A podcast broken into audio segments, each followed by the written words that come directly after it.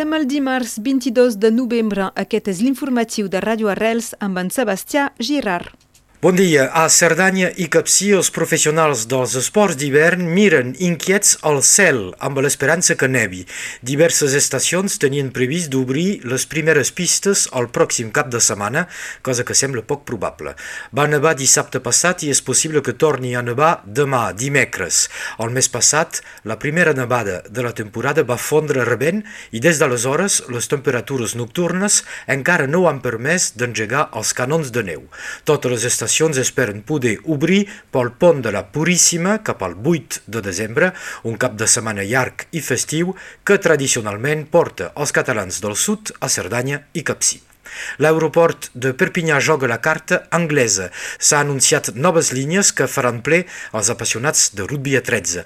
Un vol regular Perpinyà-Leeds a partir del pròxim mes de juny que s'afegeix als dos vols cap a Londres i Birmingham. En canvi, l'enllaç amb Lisboa, a Portugal, que es va provar l'hivern passat, no serà pas reconduït. Actualment, des de la Llevanera hi ha quatre vols regulars cap a París, Brussel·les, Agadir i Marrakech.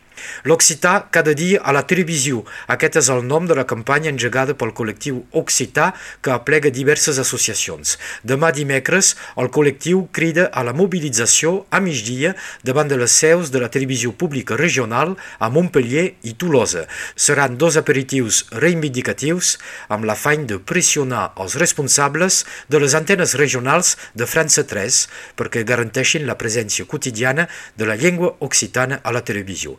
Recordem que actualment l'occità disposa de 7 minuts d'antena setmanal d'informació, com el català, i d'un magazín dominical, Viure al País, de 18 minuts. Setmana decisiva als tribunals europeus pels eurodiputats exiliats Clara Ponsatí, Toni Comín i Carles Puigdemont.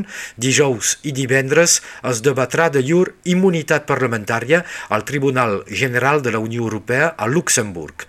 Aquesta audiència servirà també perquè la defensa dels exiliats catalans denunciï la manca d'imparcialitat del president de la comissió parlamentària d'aquest cas, Adrián Vázquez, elegit del partit espanyolista Ciutadans. Caldrà esperar dos mesos abans que es faci públic el verdicte d'aquest judici. A Catalunya Sud, l'estat espanyol obliga l'empresa Ryanair a acomiadar un treballador per haver participat al tall de l'autopista de la Junquera, ara fa tres anys. L'empresa espanyola AENA, que gestiona molts aeroports, es va negar a acreditar al treballador que no pot més accedir a les zones restringides dels aeroports i doncs no pot treballar més. La raó de tot plegat és que l'empleat de Ryanair havia participat a la manifestació de la Junquera el 2019 i que encara és investigat per això. Una advocada de l'entitat Alerta Solidària s'ocupa d'aquest cas singular de repressió laboral. A Indonèsia, un sisme d'una magnitud de 5,6 sobre l'escala de Richter va sacsejar ahir la província de Java Occidental, una de les més poblades del país. El primer balanç és de 55 morts i més de 700 ferits. El terratrèmol va ser particularment violent, hi va haver 25 rèpliques en dues hores i es va sentir fins a la capital, Jakarta, a 75 quilòmetres de l'epicentre. Recordem que Indonèsia fa part de l'anomenat Anell de Foc del Pacífic, una zona de gran activitat sísmica i volcànica on cada any es comptabilitzen milers de terratrèmols, la majoria moderats. Un nou pic de Covid a la Xina. Diumenge passat es van registrar un miler de noves infeccions a la capital, Pequín. Les autoritats van suspendre les classes presencials i molts comerços van abaixar les persianes. A la resta del país, el nombre de casos també augmenta gairebé fins als nivells del pic de contaminació de l'abril passat. Recordem que a la Xina la política del Covid-0 fa que la prova PCR sigui encara obligatòria i que els confinaments ara per ara són parcials per blocs de cases, per carrers o per baris. Moltes gràcies, Sebastià.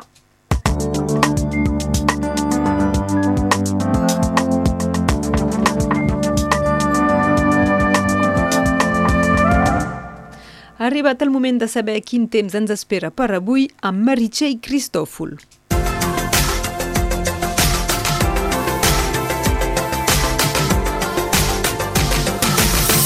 Bon dia.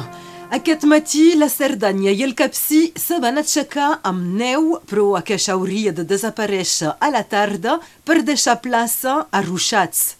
Se cal també esperar a possibles episodis de pluja al Conflent.